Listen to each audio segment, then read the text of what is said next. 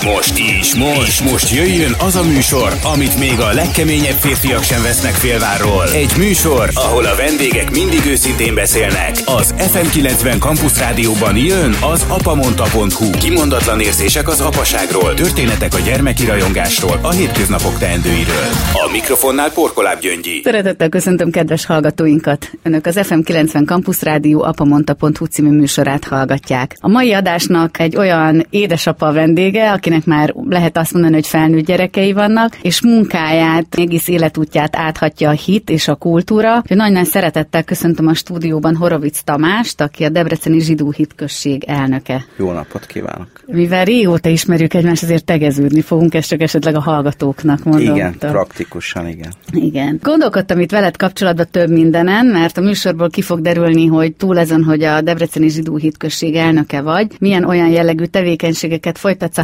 háttérben, ami szerintem kifejezetten közösségépítő, és hogy tulajdonképpen ezek a tevékenységek hogyan is hatnak egymásra a te életedben. Ugye ez egy generációs műsor, amelyben megpróbálunk generációkon átívelő értékeket bemutatni, akár történetek vagy érzések, élmények révén, de hogy egy picikét más területről közelítsük meg, ha jól tudom, akkor civil életben te foglalkozol ingatlan értékesítéssel, illetve hát az építőiparban is. Így van, igen. Hogyha az építkezést úgy vesszük az életben, amikor gyakorlatilag egy fix alapot hozunk létre, teljesen egy ugye ásunk betont, arra téglákat rakunk, hogy valójában szerinted ma a mai világban, akár tágabb értelemben, tehát nem csak Debrecenben vagy Magyarországon, mit jelent építkezni? És akkor nem konkrétan az építőiparban vagyok kíváncsi, hogy mit jelent, hanem úgy átvitt értelemben, milyen módon építkezünk mi emberek. Hát ez az építkezés egy nagyon fontos dolog, azt hiszem az életünkben, mert egyrészt a szószoros értelmében, másrészt átvitt is megpróbálok jó alapokra építkezni, és én azt gondolom, hogy ez nagyon fontos dolog a mai viszonyok között. Néha azért azt tapasztaljuk, hogy talán megpróbáljuk, vagy mások is megpróbálják kihagyni az alapokat, és egyből a falakat vagy a tetőt próbálják építeni. Ez egy nagyon rossz dolog, nem fog működni. Én azt vallottam, és azt vallom most is, hogy nagyon jó alapokra kell mindent építsünk, nagyon biztonságos, nagyon precíz alapokat kell lerakjunk ahhoz, hogy jó legyen a felépítményünk, és ha már egy jó felépítményt megalkottunk, akkor jöhet a tetőnek az építése, de ez mindenféleképpen fontos, hogy ezt a sorrendiséget jól betartsuk. Annak ellenére, hogy egy borzasztó gyors világba élünk, és azt gondoljuk, hogy egyből rakhatjuk a tetőt minden előkészület nélkül. Ez néha összejöhet, mert ugye a nagy számok törvénye alapján néha szerencsénk van, és akár a fentiek segítségével ez összejöhet, de hosszú távon ez biztos, hogy nem vezet jóra, uh-huh. és nem fog jól működni. Amikor az alapokról beszélünk esetleg, akkor ha az ember a hagyományokról vagy a kultúráról gondolkodik, és ugye azt tudott rólad, hogy, hogy rendkívül fontosnak tartod azt, hogy a, hogy a hagyományok megfelelő módon legyenek. Hát ez az ápolás szót mindig olyan furcsának tartom, mert azt ápoljuk, aki beteg, és elvileg a hagyomány az nem beteg. Szóval, hogy valahogy gondozni, akkor a te életedben ez a jó alap az minőségében szerinted mit akar? Tehát mi az egy olyan dolog, amihez vissza tudunk nyúlni, ahogy szoktuk is mondani, hogy bizonyos hagyományokhoz szeretnénk visszanyúlni, és abból utána tovább építkezni. Meddig lehet visszanyúlni? Tehát akár itt a, a te tevékenységet során a, a zsidó hitközség életében is, tehát hogy elége akár addig, amíg Debrecenben gyakorlatilag ezzel kapcsolatban vélhető dokumentációk vannak, vagy, vagy messzebb kell ahhoz visszanyúlni, hogy a mai korban tudjuk értelmezni a folyamatokat? Én azt gondolom, hogy ezt messzebb kell visszanyúljunk. Én egy borzasztó szerencsés helyzetben voltam a gyerekkoromban, és nagyon szép emlékekkel és szép alapokkal rendelkezem, hisz ha nagyszüleimig visszanyúlok, anyai és apai ágon egy nagyon vallásos, ortodox család volt a mindkét nagyszülőm, és hát ugyanezt a helyzetet vitték tovább, és ugyanez a helyzet volt a mi családunkban, az édesapám és édesanyám révén. Ezek nagyon jó alapok voltak nekem. Már a nagypapám is, mint vallási vezető volt a zsinagógába, egy ortodox vallásos zsidó ember, aki mindent betartott, amit a zsidó vallásba be kellett tartani. És hát édesapám is ugyanezt vitte tovább, hisz ő a hitközség ügyvezető igazgatója volt sokáig. Gyerekkoromban nagyon sokat jártam vele a zsinagógába, nagyon szép emlékeim vannak, és hát ugye a szocializmusban nem volt olyan könnyű dolog zsinagógába járni, és édesapám mindig elsütötte azt a félig meddig viccet, de az valóság is volt, hogy ő soha nem lépett be az akkori pártba, mert, mert mindig azt mondta, hogy ő még nem érette erre, hogy ő pártag legyen. Így mindig megúszta, uh-huh. és hát mi vidáman mentünk a zsinagógába, nem nem volt olyan probléma, ami lemehettünk, de akkor ugye nagyon sok zsidó embernek ez nagyon nagy problémát okozott, és hát vagy bújva, vagy, vagy egyáltalán nem juthatott mm. el a zsinagógáig, vagy nem jöthetett be a zsinagógába, mert ugye az egzisztenciáját mm. kockáztatta azzal. De én no, ennek tekintetében nagyon szerencsés voltam, mert, mert nem volt ilyen. Édesanyám is vallásos életet mm. élt, hisz köztudott, hogy a vallásos zsidó emberek azok csak kóser tesznek. Az én szüleimnél kóser háztartás volt vezetve. Hát az én édesanyám annyira kóser volt, hogy a saját főztjén kívül nem is nagyon evett mást, mert ő nagyon odafigyelt erre, és csak a saját általa főzött ételeket fogyasztotta. De ez nem egy pici bizalmatlanság is? Hát legalább a sógornő, vagy a szomszéd, vagy a másik. Hát néha-néha egy, néha, egy családi igen. rendezvényen valami, valami kis apróságot, igen, de, de ő, ő nagyon-nagyon szigorú volt ebbe a történetbe, és ő úgy gondolta, hogy amit hmm. ő főz, abba lehető biztos, és ez biztos, hogy minden kósersági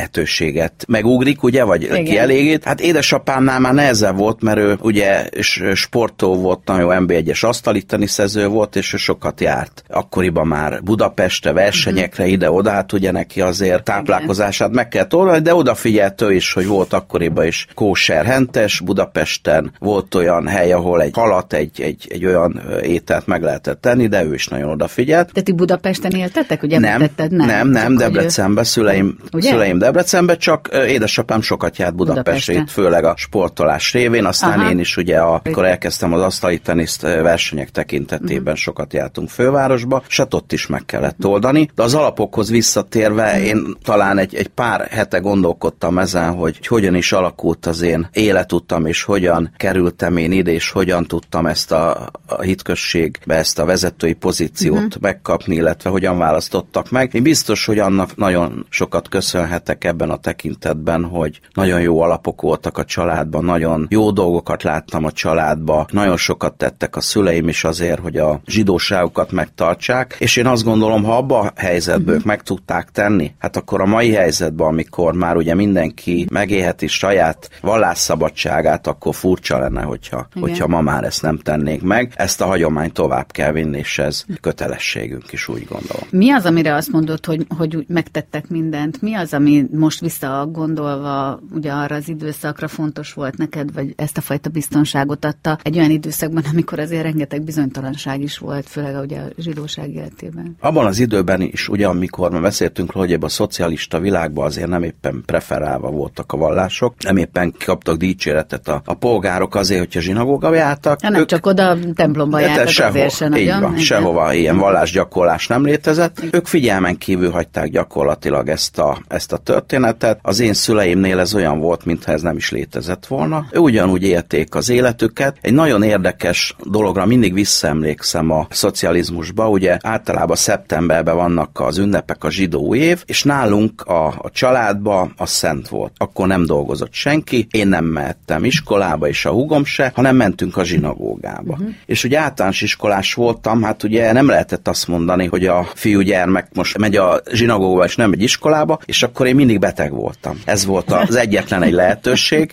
És volt Pszichoszomatikus egy... problémák. Igen, mindig akkor. Így van, és volt egy osztályfőnököm, aki hát nem egy, nem egy filoszemita volt éppen, és nem igen nézte jó szemmel, és emlékszem, hogy mielőtt mentünk a zsinagógába, anyukámmal bementünk az iskolába, ott bejelentette, hogy pont az orvoshoz megyünk, mert valami probléma el, el kell menni, és ha nem éppen jó indulatú tanárnéni, azért megjegyezte, hogy milyen szépen fel vagytok öltözve. Ugye ő tudta egyébként, hogy, hogy miről van szó, mert hát egy idősebb hölgy volt, de hát abban az időben ez volt, de hát azt se lehetett elítélni, aki nem tudott akkor az, abban az időben, azért ez egy nehéz dolog volt. Én abban az időben tényleg nagyon visszatekintve is egy nagyon szép dolog volt, hogy az én szüleim ezt minden áron betartották, nem hivatkoztak semmire, nem akarták ezt kikerülni, de egyébként nem is tehették volna meg, mert az én Horovic nagyapám egy olyan szigorú vallásos ember volt, hogy nem hiszem, hogy ezt meg lehetett volna mellette tenni, hisz ha elmentünk a zsinagógába, édesapám egy nagyon jó kis beszélő kis ember volt, aki nagyon szeretett ott a zsinagógába a többi uh-huh. kortársával beszélgetni, és a nagypapa mindig rászólt és intett, hogy itt nem beszélgetni kell, hanem az imakönyvet olvasni. Nagyon szigorúan vette, de nagyon jó emlékezés, azt hiszem nagyon jó dolog az életemben, hogy ez így történt. Egy éve kitüntetést kaptál, állami kitüntetést. Az emberbe persze ilyen életközép időszakában felmerül az a kérdés, ami nyilván mindenkiben, amikor egy ilyen elismerést kap, hogy, hogy valójában tudja helyén kezelni,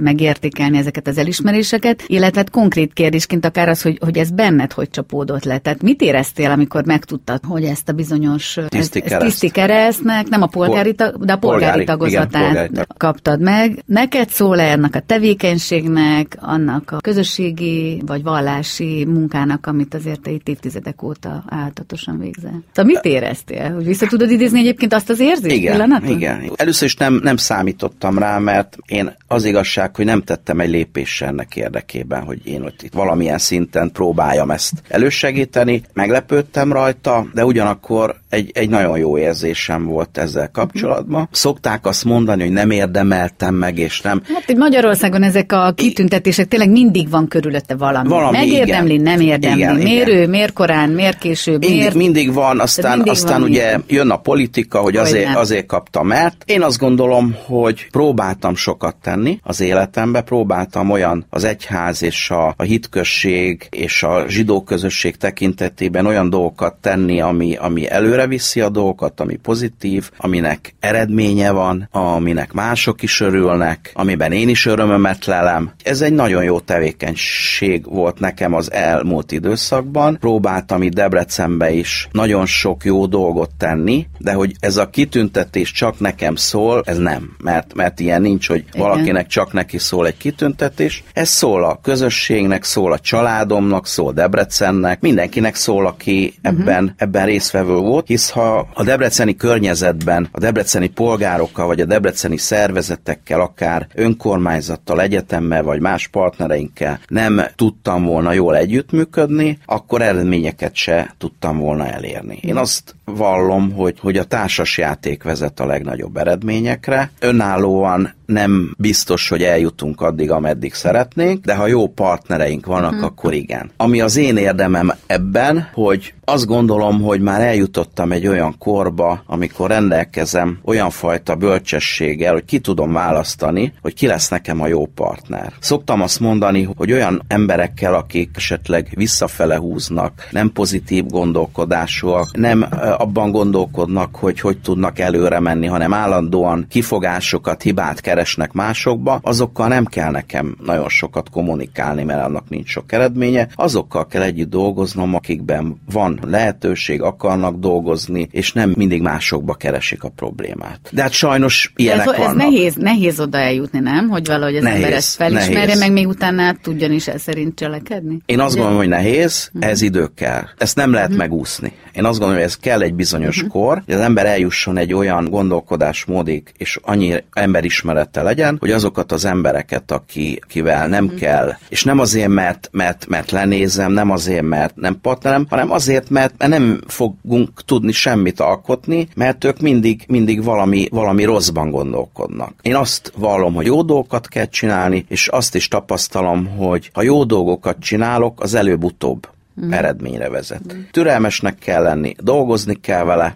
és előbb-utóbb meg lesz az eredménye. Hogyha már mondtad itt ezt a társasjáték vezet ugye a legjobb eredményre, hogy akár családra is vonatkoztathatjuk, ugye, hogy a leginkább azt szoktuk visszaidézni azt a pillanatot, amikor ugye egy asztal köré ül le a család, akár egy társasjáték kapcsán, akár beszélgetés kapcsán, akár tárgyalunk valakivel, hogy kicsit lehet, hogy furcsa a kérdés, de hogy milyen a jó asztal szerinted? Számodra milyen formájú, hogy néz ki, mi az, aminél te jól érzed magad? És akkor itt lehet hozni példát akár családból, akár pedig a hivatásból. Hát én azt gondolom, hogy mi a jó asztal. Család tekintetében azt vallom, hogy a család az egy, az egy nagyon fontos, és mondjuk azt, hogy az első tétel, ami, ami, amilyen gondolkodnunk kell. Ugye a gyerekeink azok mindenek előtt, én azt gondolom, hogy minden normális szülőnél ez, a, ez az első rendű feladat, amit meg kell valósítsunk. Gyereked e, van két igen. nagy gyermek, már a lányod már nagyobb, Hát ugye? igen, már, már, ő... már egy unokám is van. Bizony. Most lesz két éves a, a, lányodnak a lányomnak a tündér, tündér kisfia, és hát ő, ő már önálló családi életet él. Fiam is már egyetemista, ő is már, már önállóan nagyjából éli az életét, de az nagyon fontos, hogy, hogy a család le tudjon ülni, beszélgetni, de, de ma már ugye lehet, hogy ez az asztal jelképesen egyébként egy telefon. Jelképesen egy telefon, mert, vagy mert Skype ugye, vagy Skype, vagy a mai, mai viszonyok között. Annyira másképp éljük az életünket. Ha én is visszagondolok, ugye, amiről szüleim, nagyszüleim,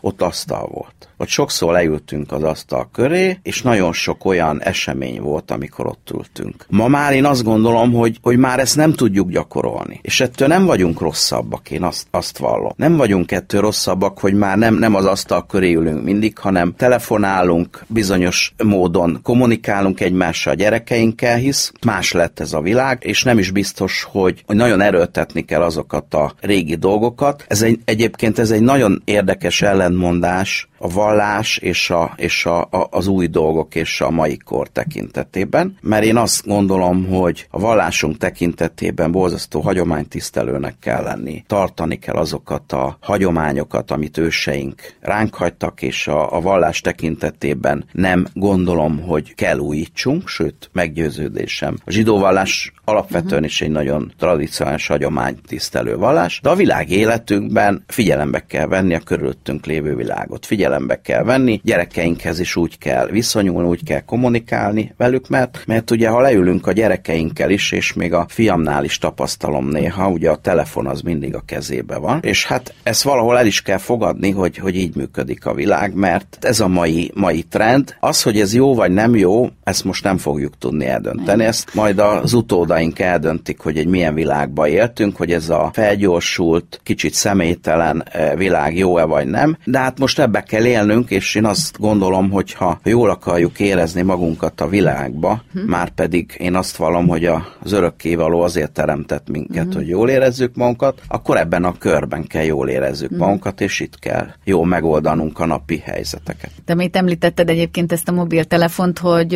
a, például amikor a gyerekeiddel vagy, vagy az unokáddal, azt ki lehet lehet zárni, te ki tudod zárni, hogy akkor leteszed a telefonodat is akkor, vagy lehalkítva, vagy valljuk meg őszintén, és ugye ennek a műsornak tényleg szlogenje ez a bátran őszintén önkritikusan, hogy persze erre való törekvés van az emberben, de hogy annyira részévé vált a mindennapjainknak, akár hogy e-mailt, mindent azon keresztül próbálunk és rögtöni válaszra ítéltetet, vagy lehet ilyet mondani, a világ, tehát hogy gyakorlatilag ha nem válaszolsz egy e-mailre egy órán belül, akkor, akkor azt veszik, hogy te nem is reagáltál rá. Tehát, hogy nagyon átalakul alakult valóban sok minden. Tehát konkrétan ez a, ez a dolog, hogy, hogy van nálatok? Mert itt billegtetted a fejet, hát, hogy hát igen, igenis, meg nem is. Igen, ez igenis, meg nem is. Ez nem fehér és nem fekete, mert, Tehát... mert ha valamit jól akarunk csinálni, akkor hozzászoktunk ahhoz, hogy a megkeresésekre reagálni kell. Egyrészt én azt vallom, hogy, hogy én egy olyan típusú ember vagyok, aki, akit általában hívnak telefonom, felszoktam venni, de ha mégse tudom, akkor visszahívom. Ez azért nem mindenkinél van így, az, ez, ezek, ezek, néha ez, ezek nekem okoznak is némi problémát, mert... De igaz, amit mondasz, furcsán is veszük, Igen, nem? Hogyha furcsán, valakit keres, és órákon át nem hív vissza, így vagy van. legalább nem küld annyi üzenetet, hogy nem tudok beszélni, visszahívnak később. Tehát, hogy valahogy van egy ilyen furcsán kialakult elvárás is bennünk emiatt, hogy Igen, van egy, van egy, van egy-két partnerem, akinek szoktam egy rövid üzenetet küldeni, hogy az a kis zöld gomb az azért van, hogyha hívlak, akkor tedd már meg, hogy nyom meg. De kedves vagy. De, de hogy ez egy nehéz dolog, nem mindig sikerül. Én nem is ámítom ezzel magam, hogy, hogy én, én, hogyha mhm. bármi történet van, akkor kiiktatom a telefonomat. Igen, megpróbálom minél jobban kiiktatni, amikor együtt vagyok gyermekeimmel, unokámmal, hugommal, ugye hugomnak is egy kisgyereke van, most ő mhm. is, most lesz három éves, természetesen együtt vagyunk, akkor próbálom, de azért vannak olyan dolgok, amikor jön egy olyan telefon, akkor, akkor gyorsan uh-huh. két mondatot beleszólok már, mert így, műk, így működik ez a világ. Egyébként meg lehetett tenni, hogy nem, mindenki maga dönti el. Hogyne, ez a döntéskérdés. Eh, de, de mégiscsak én, én azt, azt gondolom, hogy ez benne van a mai világban. Beszélgettünk itt most az asztalról, és ugye akarva akaratlanul a, ugye a párbeszéd beugrik nekem, főleg annak apropóján, hogy Szabó Magda, aki ugye a legtöbb nyelvre lefordított magyar író, nagyon sokszor látogatott el hozzátok. Ugye a Kardos Albert Igen. szavaló verseny volt az, amit nem hagyott ki, és Igen. tényleg volt olyan, hogy lázasan is, de eljött, mert hogy itt kell lennie. Vele kapcsolatban milyen emlékeid vannak, és az a párbeszéd, amit Szabó Magda ezzel a tettével, vagy, vagy jelenlétével mutatott, az milyen fajta párbeszédet mutat számodra? Mit üzentő azzal, hogy hitű református emberként mindig fontosnak gondolta azt, hogy ő elmegy a zsidó zsidó hitközség ilyen jellegű irodalmi rendezvényére? Először is Szabó Magdáról azt gondolom, és azt gondoltam mindig, hogy egy borzasztóan jó ember. Ez az első pont. Teljesen mindegy, hogy milyen vallású, ő értékek mentén gondolkodik. Ezt a Kardos Albert vers és prózamondó versenyt, mikor még elődei megalapították, egyébként egy nagyon jó ötlet volt, minden évben most is megvalósítjuk. Szabó Magda volt mindig a zsűri elnöke az látszott mindig, hogy borzasztó nagy odaadással, lelkesedéssel, szeretettel tette ezt, és ahogy mondtad, szinte várta azt, hogy mikor lesz már ez a, ez a vers és prózamondó verseny. Nagyon jó emlékek, nagyon, nagyon, nagyon jól elindult ez a Kardos Albert prózamondó, sőt, ugye azt gondolom, hogy, hogy ennek sikere van, és meg tudtuk tartani, ezt nagy részt ugye neki köszönhetjük, mert a beinduláskor ugye ő nagyon, nagyon odafigyelt erre, és tényleg nagyon, nagyon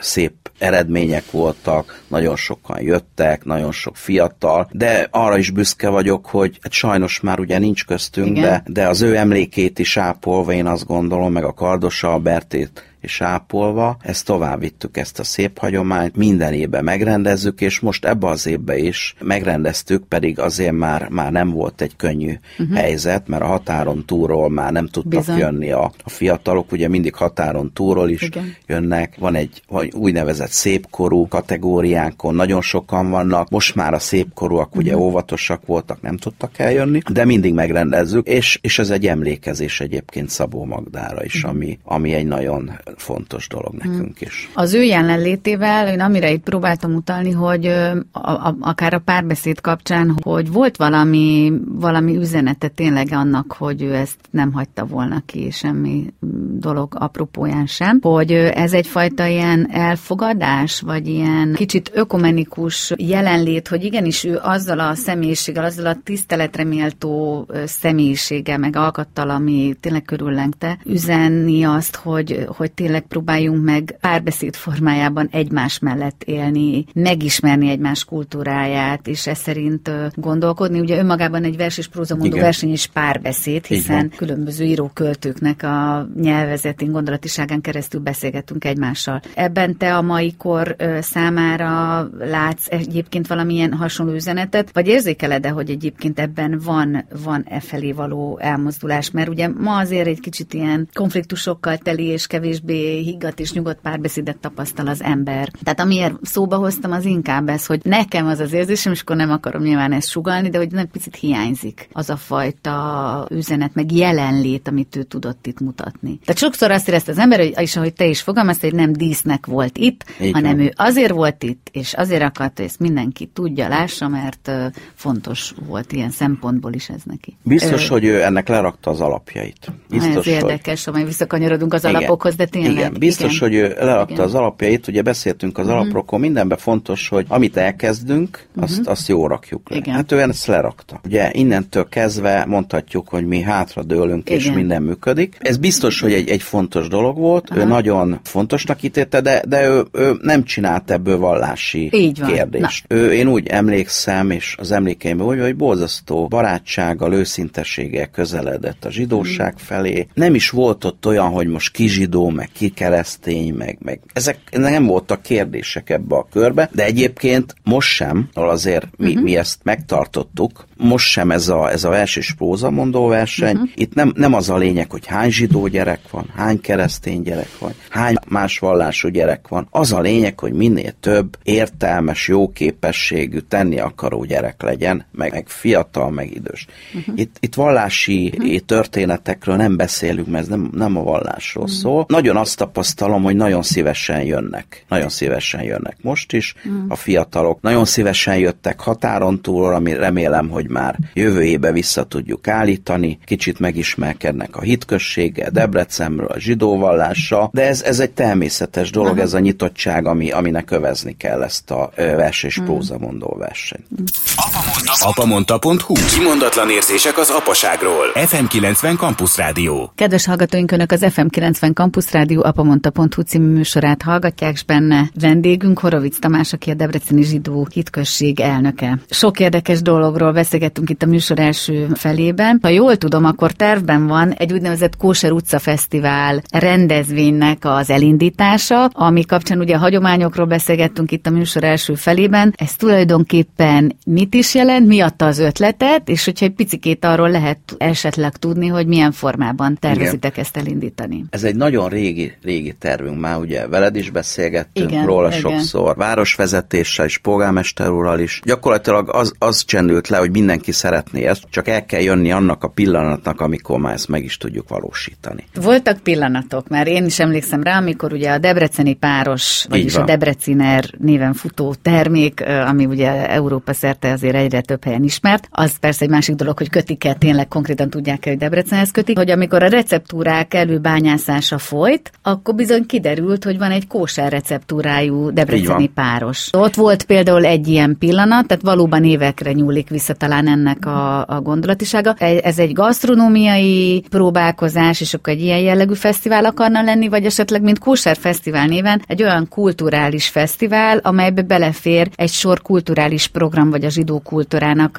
a lenyomatait bemutatni, akár helyi vagy országos szintről érkező művészetkel. Ennek pontosan egy ilyen mixnek kell lenni, amit mondtál. A gasztronómiai fesztivál szerintem nem képzelhető el a kultúra, a művészet nélkül. A zsidó hagyományok bemutatása. Uh-huh. Ez egy komplex programnak kell, hogy legyen, amikor is ugye építjük a zsidó gasztronómiára. Tervek szerint a Pásti utcán szeretnénk ezt megvalósítani. Ott szeretnénk különböző gasztronómiai bemutatókat, kis kitelepült lehetőségeket megadni vállalkozóknak, akik kóser ételeket készítenek, és ezzel együtt természetesen zenei, kulturális, hagyományőrző hagyományokat bemutató programokat szeretnénk, és most, most már úgy tűnik, hogy mindenki úgy gondolja és úgy akarja, hogy ezt meg is fogjuk valósítani. Nem baj az, hogy ennyi időt hagytunk erre, én azt gondolom, mert érlelődött, és nagyon szépen látjuk már talán azt, hogy mit kell csinálni, levonva jó és rossz tapasztalatokat, ahol máshol valami elindult. Én most azt gondolom, hogy ezt jövőre meg fogjuk tudni csinálni, közösen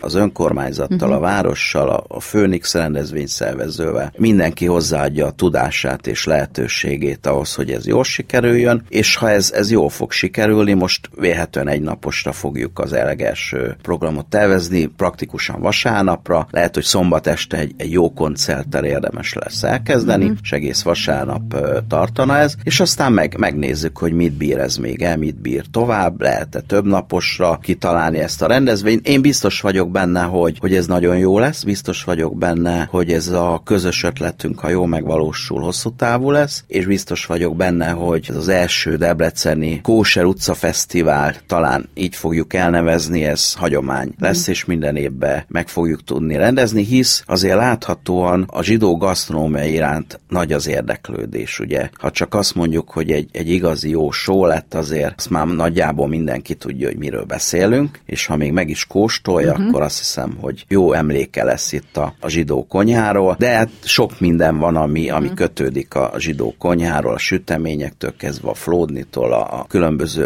módon elkészített húsokig. Biztos, hogy sok, sok mindent megtudunk, és szeretnénk itt a debreceni vendéglátós sokat is bevonni, hisz, hogyha bármely ételt a kóserság szerint valaki megcsinál, és ott lesz nekünk egy felügyelő, mi adjuk az alapanyagot, kóser alapanyagot, akkor ez bárki Bizony. el tudja készíteni uh-huh. kóser módon, mondjuk egy kóser töltött káposztát, ami ezt természetesen tejföl nem lesz, mert a húsos meg a teljes nem lehet vegyíteni, de ettől még ez egy nagyon ízletes töltött káposzta. És a Széchenyi utcai pékségből pedig lehet hozni a Így isteni van. finom péksüteményt. Így van, hát az is, ez is Hány egy... éves az a sütő ott, ami van? Gyakorlatilag ott van egy kemence. Ha jól ott tudom, kettő, az egy, igen, ugye, két kemence ami van. eredeti formájában van. egy az, csodálatos az még régen, térben Az található. még régen ezelőtt, ezelőtt még tudomásom szerint, hogy pontosan mikor létesült, nem tudom, de ezelőtt mondjuk még 30 évvel működött ezt a hitkösség üzemeltette, mint kóser zsidó pékség.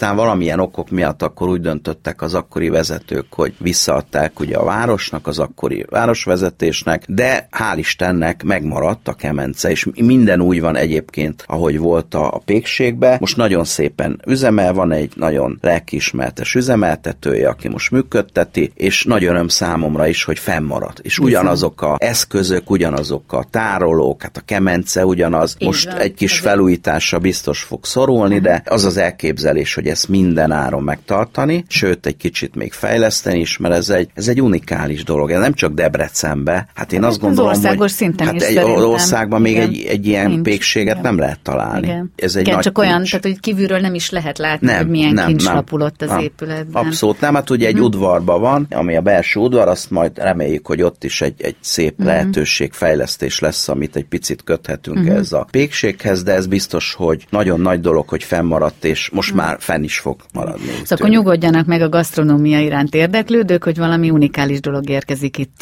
jövőre. Úgyhogy ez van. mindenképp nagyon izgalmasnak. Nagyon, ö, nagyon arra fogunk törekedni. Izgalmasnak tűnik. Nagyon arra fogunk törekedni, mert, mert rántott hús, sült krumplival mindenütt lehet tenni, ugye? De Ez így van. Hát itt most e- itt olyan dolgokat kell produkálnunk, ami, ami teljesen a, a zsidó tojástól kezdve nagyon sok olyan tradicionális ételt be lehet mutatni, amit szerintem sokan ettek, de még többen még nem Ez is kóstolt. lesz, ugye? Bár, bár Bár- ezzel kalácsa, Ugye? természetesen. Ugye? Kétféleképpen is lehet, mert van, aki ugye Hát többféle, igen, többféle igen, változata igen, igen. van. Na mindegy, ennek a receptúráját majd valaki megkeresi a- az interneten, nem kezdünk most bele, mert annyi Így van. receptet szoktunk itt elsőn. Lényeg az, hogy sok főtt tojás kell egyébként hozzá. Jó sok hagyma, Jó sok hagyma, Isten kis finom libazsír, zsír, igen, igen. nem mertem itt mondani, de libazsír, jól összekeverve, és akkor aki máshogy akar elkészíteni, még szoktak bele egyébként libamájat is van, tenni, és libamájat akkor is. libamájjal összekeverve, ez egy ilyen pástétom jellegű, és így van. Nálunk a, nagyon finom kalácsa. Nálunk az én szüleimnél szombaton mindig volt vagy libamájkrém, libamáj pástétom pontosan. Hát ennek most egyébként, így van, libamáj pástétom vagy van. hagymás tojás.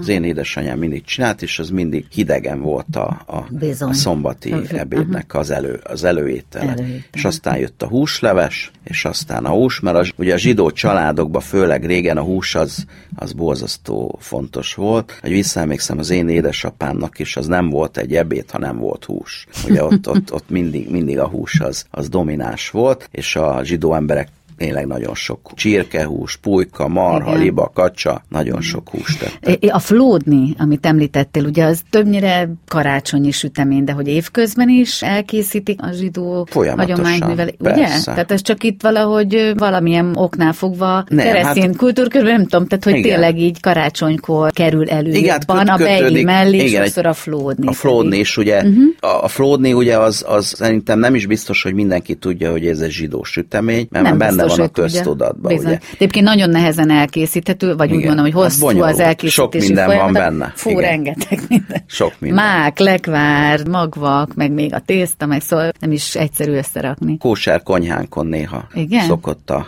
konyhavezetőnk sütni, de hát nem, nem egyszerű. Nem egyszerű elkészítése. Említetted édesapádat, hogy sportolt, és ugye mondtad az asztali teniszt, az ugye a te életedben is meghatározó volt, ha lehet ilyet mondani, mert ugye persze Igen. minden fiatal fiú sportol, vagy legalábbis ré, rémlik valami, hogy ilyen tevékenységet folytatott, de ugye ez számodra nem pusztán a sportolásban maradt meg, ugye, hanem itt Debrecenben, ha jól tudom, akkor, akkor addig mentél, amíg egy termet nem Igen. sikerült átadni, hogy egy Így van. picit azok számára, akik akár csak gyerekként művelték ezt, és nem nagyon találják, hogy hova menjenek, csináljunk már egy pici reklámot annak, hogy Nagyon vajon azt, asztali teniszezni hova Igen. is lehet menni. Meg miért fontos ez neked ennyire? Hát itt is az alapok. Édesapám első osztályú asztali teniszező volt. Azt követően akkori DVSC NB1-es női csapatának volt az edzője. Nagyon fontos volt a, az ő életében a sport, hisz a gördülő csapány művekbe dolgozott hosszú évekig, ugye ott is kis sportköre volt, akkor ő Aha. is annak egyik vezetője volt, és hát a sport az nagyon-nagyon fontos volt az ő számára, a gyerekkorában is már elkezdte az asztali teniszt, és nagyon sokáig művelte ő is, sőt, hát én még abban a szerencsés helyzetben voltam, hogy játszottam édesapámmal egy csapatba. Hát az Az fantasztikus, élmény fantasztikus volt, azért. és egy, egy nagyon érdekes élmény, elmentünk, emlékszem, egy orosházára, egy versenyre, ahol ilyen kétfős verseny volt, két fél játszott, egyénit és páros, és apukám egy olyan fiatalos, nagyon mozgásra, mindenre volt, hogy ott ugye nem ismertek még minket, és aki nem ismert, mondta, hogy itt vannak a Horovic testvérek.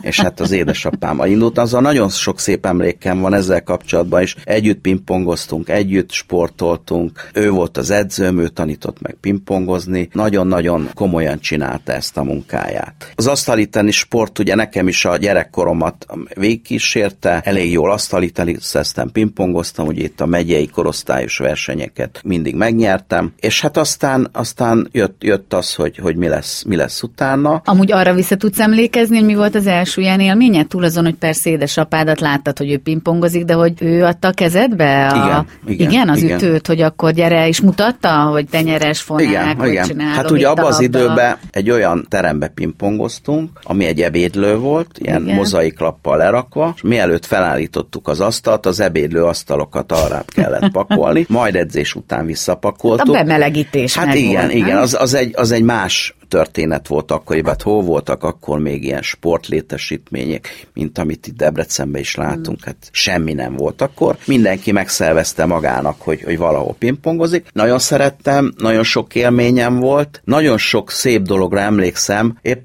a múltkor idéztem a családba vissza azt a gondolatot, és nagyon büszke voltam akkor rá, hiszem érettségiző 18 éves lehettem, és valahol a, a régi Tótárpádban volt valami nagy buli, és nem engedtek be már embereket, mert, mert annyian voltak, teltház volt, és mentem én a barátaimmal, és ott meglátott egy beengedő fiú, te nyerted meg a megyei versenyt, te vertél meg engem a múlt héten, a barátaiddal együtt te mehetsz, hát nagyon büszke voltam akkor Hát magamra. elhiszem. És a sport nagyon sok élményt hozott, azt hiszem. Aztán a katonasság, egy sportszázadban voltam Szolnokon. Ott is tudtál, te Hát csináltad? a- Az, az- ott- mert azért az egy gyakorlott, ugye? Hát mi mást? Szabad idejükben ott mit tudnak Én, csinálni? én ott a csak? Én ott olyan Mhm, sportszázadban voltam, talán. hogy az első hónapban volt a kiképzés, a desszantosoknál az kemény volt, és aztán én minden nap délelőtt délután mentem edzésre, és én ilyen, ilyen nagyon jó katona voltam, ami nagyon jó katona életem volt uh-huh. ilyen szempontból, hát akkor azért nem volt egy könnyű dolog ott Persze. a katonaság. Pingpongoztam, néphadsereg válogatottban voltam, külföldön voltam, egy nagyon szép emlék uh-huh. volt nekem ilyen szempontból, mert végig sportoltam. Ott a katonaságnál, és akkor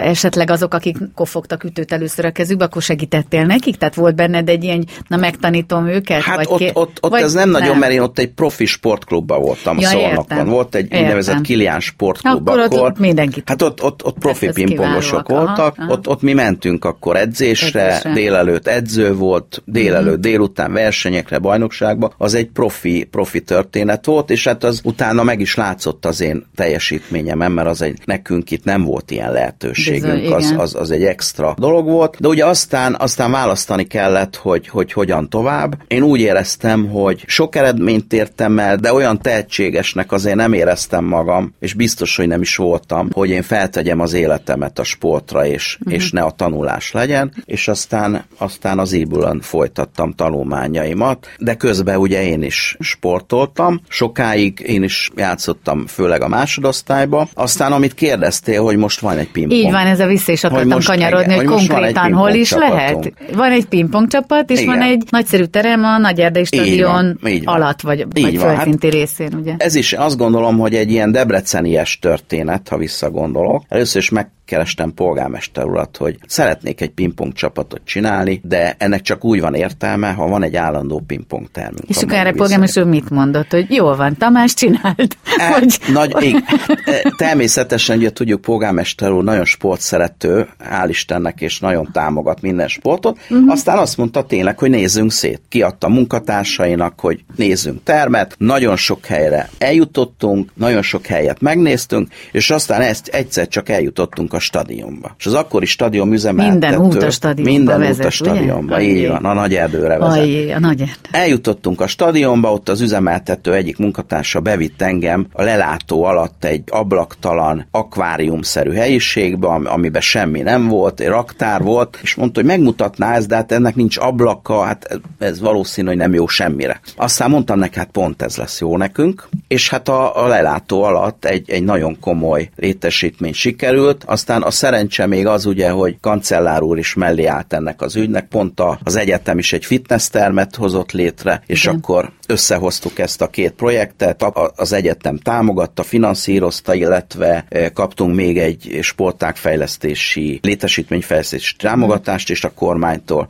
és gyakorlatilag ezzel uh-huh. ezt a csodálatos termet létre tudtuk hozni. Én amikor ezt meg csináltuk, és még úton voltunk, én nekem már a film ott pörgött a fejembe, hogy itt mi lesz. Én biztos voltam benne, hogy ez olyan szuper hely, és olyan Debrecenben olyan lehetőségek vannak, és még ha összerakjuk a mi saját lehetőségeinket, hogy itt nagy dolgokat fogunk tudni alkotni, ez öt éve történt egyébként. Ez akkor pontosan a, a stadionnak, a, a fitnessterem mellett. Igen, és tehát akkor az az állatkert, tehát az Adi Endre sugárút ranyiló oldalán van, van, csak igen. esetleg, ha valakit érdekel. Ez látogatható bárki számára, vagy Persze, te oda be lehet te... regisztrálni, mint egy squash pályára, hogy le tudom e... foglalni, hogy mennénk oda, vagy ez hogy működik? Most már nem olyan egyszerű a történetünk, ez kicsit jó is, meg egy picit, picit uh-huh. rossz is már, mert annyira sokan vagyunk. Ugye ez úgy működik, hogy most már nagyon komoly minőségi sport csapatunk van, férfi-női NB1-es csapatunk, nagyon komoly utánpótlásunk van, ma már négy utánpótlás válogatott kerettel Az a név, hogy Berecki Dezső. A Berecki Dezső, ő is nálunk játszott, ő most külföldre kitelepedett, uh-huh. ő a para csapatnak Értem. volt a tagja. Akkor erről is beszélünk Amikor egy kezdtünk, ő Igen? volt az egyik, egyik alapító tagunk az első csapatban, a Dezső Na, egyébként. Meghatározó. Így ugye, van, egy nagyon, nagyon, nagyon jó asztali teniszező uh-huh. volt, sőt, ő ért el eredményeket paraolimpián is és azt hiszem talán ötödik helyet, ha jól mhm. emlékszem. Ő most valahol Svédország, Norvégia uh-huh. körül az asztali tenisszel foglalkozik uh-huh. most is, de most már Istennek eljutottunk oda, jó az utánpótlásunk, nagyon sok gyerek van, van egy nagyon lelkes amatőrgárdánk, akik nagy szeretettel jönnek, és, és mindig honnan? ott vannak. Tehát, hogy ők honnan? Baráti társaságok? Egyrészt a baráti... gyerekek iskolákból kerülnek oda hozzátok? Vagy e... mi a merítése? Igen, az iskolákkal kapcsolatban is van egy nagyon büszkeségünk, Na. hogy a tankerülettel Papné Gyulaikat igazgatóasszonyjal kötöttünk egy megállapodást, ami, ami borzasztó jó, hogy minden harmadik osztályos gyerek, osztályok jönnek hozzánk uh-huh. pingpongra. Ez most is megy, délelőtt tornóra keretében jönnek a gyerekek, és megtanulnak pingpongozni, és onnan merítünk ügyes gyerekeket. Egyébként tobozókat is csinálunk, ezt a Facebookon eléggé uh-huh. szoktuk megosztani uh-huh. és látható. Akkor ott edzők is vannak, akik hogy ugye a gyerekekkel Nagyon, hát, foglalkozni hát, is. Aha. Ott még azért vannak hiányosságaink, uh-huh. szeretnénk bővíteni az edzőgarnitúrát, feladat, mert egy, csak sajnos egy főállású edzőt tudunk most uh-huh. egyenlőre finanszírozni, ott majd, majd lépnünk kell előre, de egy nagyon lelkes és nagyon jó edzői stábunk van, ők edzik a fiatalokat. Hát csoda jó dolgokról számoltál itt most be, ez ugye ráadásul már egy időszak, tehát lehet látni, hogy ennek volt helye, hogyha ilyen érdeklődés van ez iránt, úgyhogy ez mindig egy üdvözlendő dolog. Na szóval én erre próbáltam utalni itt a műsor elején, hogy itt a, a zsidó hitközség vezetése mellett, ahol tényleg egy igazi közösség épül, egy kis létszámú zsidó közösség közösségről beszéltünk itt Debrecenben, viszont hihetetlen összetartó, és, és hát rendkívül sok olyan programotok van, amire bárki betekinthet. Ezt a fajta nyitottságot lehet érzékelni ugye a felújított zsinagóga Így van. épületében is. Egy picikét még erről beszélgessünk már, akár, akár tényleg annak apropóján, hogy, hogy ez egy generációs műsor, és hogy tulajdonképpen ezek a kulturális fejlesztések, amik ott a Pásti utcán például megvalósultak, vagy amiket terveztek, ezeknél mik voltak a szempontok, hiszen amikor még nem volt felújítva a zsinagóga, akkor ott művészetek udvaraként voltak nagyon jó kis programok, hogy ebben te hogy látod azok az értékek, amikről itt beszélgettünk, és amiről te személyesen és a család, saját családod kapcsán beszámoltál, hogyan adható át a fiatal generáció számára? Hogyan értik ők meg, hogy mi az a fal ott, mik azok a nevek rajta, hogyan tudjuk ezt úgy átadni, hogy valahogy eljusson az ő lelkükig, mert hogy talán ez fontos lenne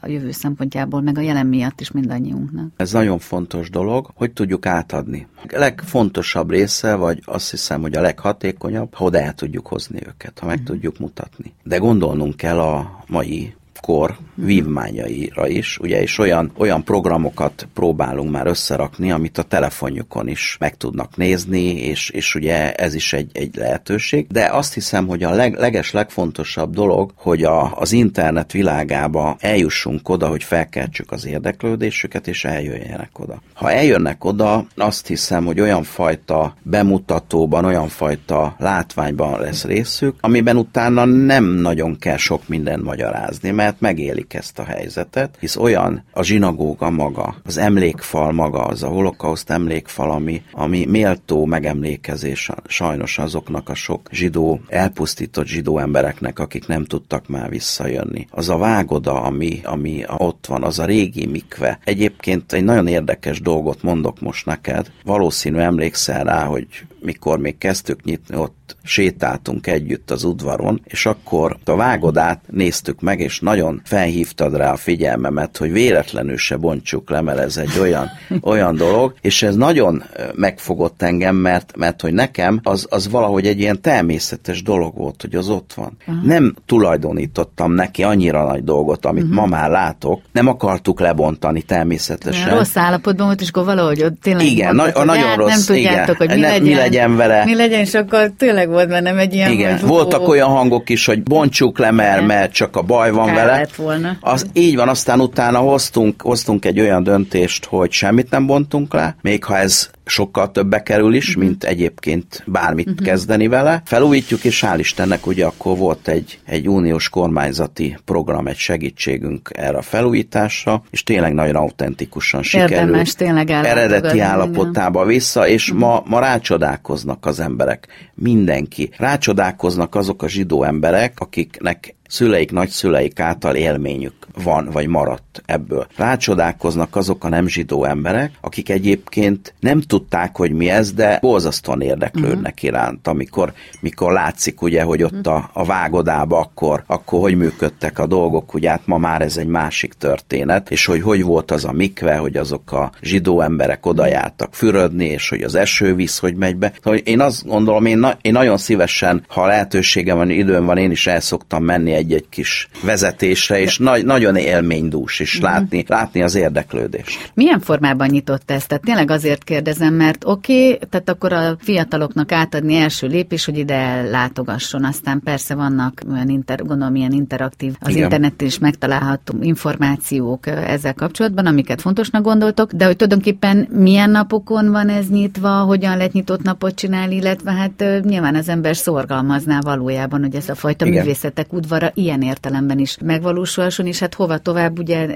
egy-két évvel ezelőtt a Debrecen Televízió készített egy olyan filmet, amelyet persze egybe is érdemes megnézni, ugye a holokauszt túlélők mesélnek igen. Így van, így van. történeteket, élményeket, érzéseket, amiken keresztül szerintem sokkal inkább meg lehet érteni, hogy mi történt, mint hogyha egy történelemkönyvből valaki próbálja ugye az évszámuk vagy egyéb leírások tekintetében ezt, de hogy például olyan módon interaktívát tenni, ez jutott eszembe, hogy engem nagyon megér érintett ez a film, de hogy akár ennek csak részleteibe azokat az pici történeteket kiemelni, mert azért a ma fiatalja rohan, egy kicsit instant világban él, ugye ezt szoktuk mond, mindig mondani, és annyiszor elmondtam már ebben a műsorban, de hát ezt ugye nekem a fiatalok jelzik vissza, hogy igen, ők úgy hirtelen megnézi gyorsan, de gyorsabban is pörög az agya, hamarabb megy át az információ, mint mi azt gondolnánk, de hogy pont ezen gondolkodtam, hogy ez a film például egy ilyen nagyon érdekes dolog, és ugye beszélgettünk hagyományról, hogy, hogy az is érdekes, hogy milyen módon, milyen kommunikációs csatornán keresztül lehet eljutni hozzájuk. Ebben mi az, a, mi az irány, hiszen itt van egy Kóser utca fesztivál ötlet, meg, meg annak a városrésznek ugye ilyen fajta módon való fejlesztés, és akkor az ember ebbe gondolkodik, hogy értsék és eljusson azokhoz, akiknek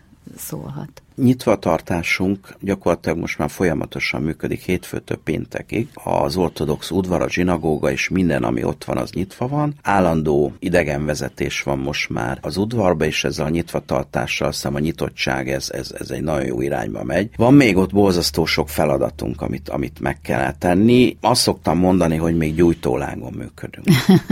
De örülök annak, hogy már hogy ez, hogy már ez ég a láng. Ugye igen, azt már igen. begyújtottuk. Persze. Már a gyufát eldobhatjuk. E, de további lépéseket kell tegyünk. Nagyjából tudjuk is, látjuk is, akarjuk is, hogy mit kell. Még ebben, ebben dolgoznunk kell, apparátust építeni, lehetőséget teremteni, hisz a nagy tervünk még az emlékközpontnak a megvalósítása, ami szervesen kapcsolódik ez az úgynevezett zsidó negyedhez. Éppen a Budapesten a Dohány utcai zsidó negyednek a, az igazgatója járt e, nálam még egy pár hónapja, és nagyon-nagyon el volt ettől ragadt ragadtatva, amit látott, hogy annyi, annyiféle ponton meg tudjuk mutatni a, a zsidó hitközséget, a zsidóságot, hogy mondjuk Pesten a Dohány utcában nincs ennyi pontja a rendszernek. Hisz, hisz ugye ott, ott mindent be tudunk mutatni a múltunkkal kapcsolatban, de visszatérve a működésre, eh, nagyon fontos, hogy, hogy erre nagy hangsúlyt fektessünk. A nyitvatartásunk az, ugye hétfőtől péntekig, mert, mert ugye szombaton nem lehet nyitva tartani. Egyébként turisztikailag már vasárnap is nyitva kéne tartsunk, Igen. ez lesz a jövő, hogyha ezt meg tudjuk valósítani, mert ugye a, a turisták azok, azok Igen. vasárnap jönnek és szívesen jönnek. Nagyon sok mindent lehetne még ott, ott nekünk. Vannak is terveink, hogyha sikerül megvalósítani ezt az emlékközpontot, amiben nagyon bízunk, hogy ennek már rövidesen el tudjuk kezdeni, akkor ennek rendszerében is összekötve az egész zsidó negyedet, ott szeretnénk zsidó ajándékboltot, kóser élelmiszereket árulni. Nagyon sok mindent lehetne, mert például a kóser élelmiszerre kapcsolatban is meggyőződésem, hogy ez sem csak zsidó embereknek szól. Biztos. A világon mindenütt ugye ezek a kóser termékek prémium kategóriák, mert ugye a uh-huh. vallási előírások azon nagyon szigorúak, és nagyon sok nem zsidó ember is szívesen vásárol olyan uh-huh. termékeket. Ha itt, itt még vannak feladataink, emlékközponttal párhuzamosan ezeket meg uh-huh. akarjuk valósítani, és azt gondolom, hogy az a, az a, az a rész ott az úgynevezett zsidó negyed, még a Kápolnási utca, a másik zsinagóga, a rabiszobánk, ami nagyon szépen kialakítottunk, a kóser réttermünk, ezek mind egy nagy zsidó, belvárosi zsidó negyed egységet fognak alkotni, és én azt meggyőződésem, hogy ilyen zsidó negyed, mint pár éven belül meg fog valósulni Debrecenbe, Európában nagyon uh-huh. kevés van. Magyarországon nincs ilyen, uh-huh. nincs ennyi pontja, de Európában is azt hiszem, hogy ez egy unikális dolog lesz. És hát további terveink vannak, öregek otthonát meg kell valósítsuk, mert meg is ígértem a, az idősebbjeinknek, és ezt uh-huh. be is kell tartsuk, hogy meg fogjuk valósítani. Már van is egy hely, amit a önkormányzattól erre a célra megkaptunk, ezt, ezt kell fejleszteni. Ez hány fős idősek otthonában Hát én két ütembe, két ütembe gondolkodunk. A ház is olyan egy Balcsizinszki utcába, szinte velünk szembe a hitközség épülettel szembe egy régi épület, aminek első traktosát fel kell újítani, amihez azért, azért nagyon sok forrás kell, de nagyon szépen uh-huh. meg lehet csinálni. Az első ütem, és van egy hátsó része, ahol már egy új egységet lehet építeni, és gyakorlatilag ez a két egység alkotná, mert ugye hát ennek ez tekintetében is a nyitottság Persze. mindenek előtt uh-huh. itt azért ez is arról kell szóljon, hogy nem csak zsidó emberek számára állunk rendelkezésre, hanem, hanem minden... biztos, hogy nagy igény van. Így van, így van, és, és azt gondolom, hogy az egyházi intézmények azért, azért mindenek előtt fontosak, Igen. ezt tapasztaljuk. Keresztény egyházak tekintetében is nagyon jól működnek, én úgy látom Igen. ezek az öregek otthona. Az egyházak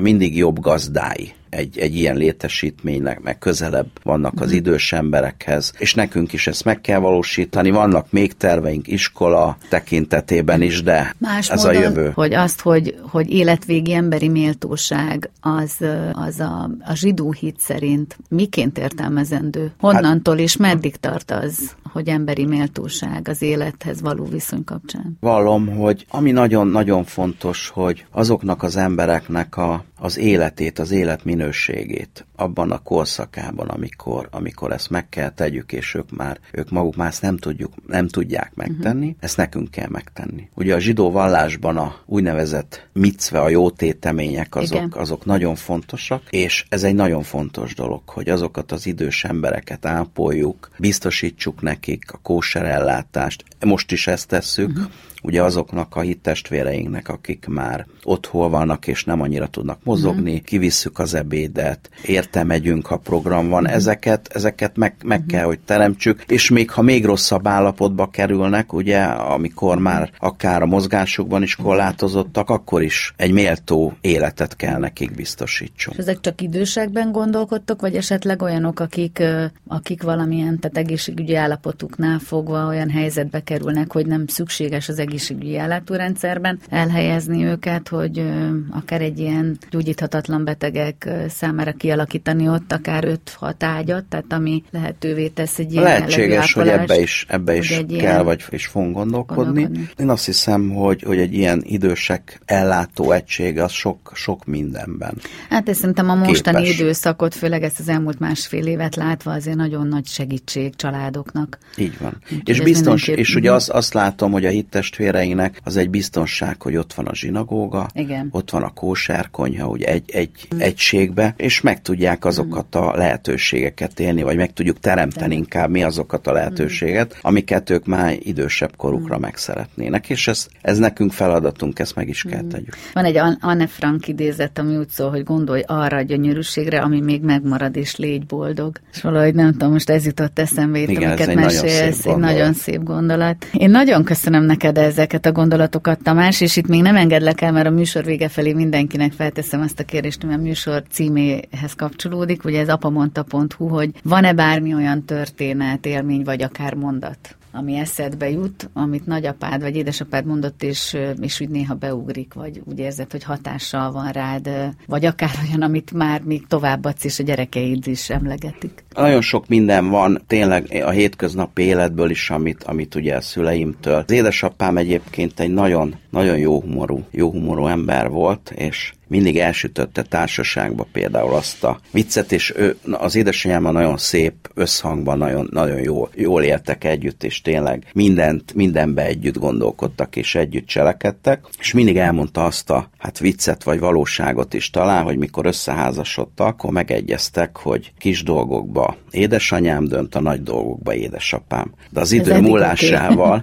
de az idő múlásával úgy alakult, hogy nagy dolgok nem voltak. Gyakorlatilag nekem egy tényleg egy nagyon határozott édesanyám volt, és, és, és ő egy igazi, szokták mondani, ezt a jidise máme volt, egy igazi zsidó anya volt, aki, akinek nagyon fontos voltak a, a gyerekei, és nagyon határozottan vitte a családot, és, és mindenben, mindenben ő megmondta, megmondta az okosságot, hogy merre kell menni. Okozott, okozott néha egy kis feszültséget, mert azért a húgommal nem mindig úgy gondolkodtunk, de, de ő mindig jót akart, és aztán mindig rájöttünk, hogy valójában mindig igaza volt neki. Ugye, utólag ez kiderül. Így van. Az idő mindig, mindig, mindig, Mindig. ezt hozza ki. Igen. Nagyon-nagyon köszönöm, hogy elfogadtad a meghívásunkat, és egy kicsit tényleg, hát valahogy betekintést kaphatunk abba, hogy, hogy miként is gondolkozol, és nyilván minden ilyen vezető mögött miként jelenik meg az ember, meg, meg azok a mozgatórugók talán, amik a mindennapokban ezeket a döntéseket meghozzák, úgyhogy köszönöm szépen Horovic Tamás neked, hogy Nagyon elfogadtad. köszönöm, és nagyon jól éreztem magam ezzel a beszélgetésen, örülök, hogy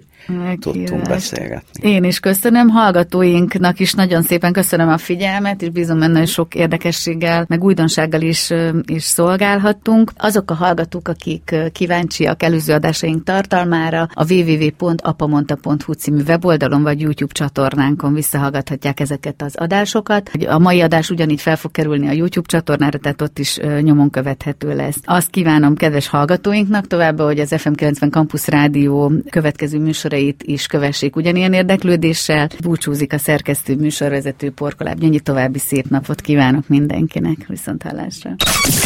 Ez volt az apamonta.hu, az FM90 Campus Rádió önkritikus, őszinte férfias magazinja. Találkozunk jövő héten is, ugyanekkor ugyanitt.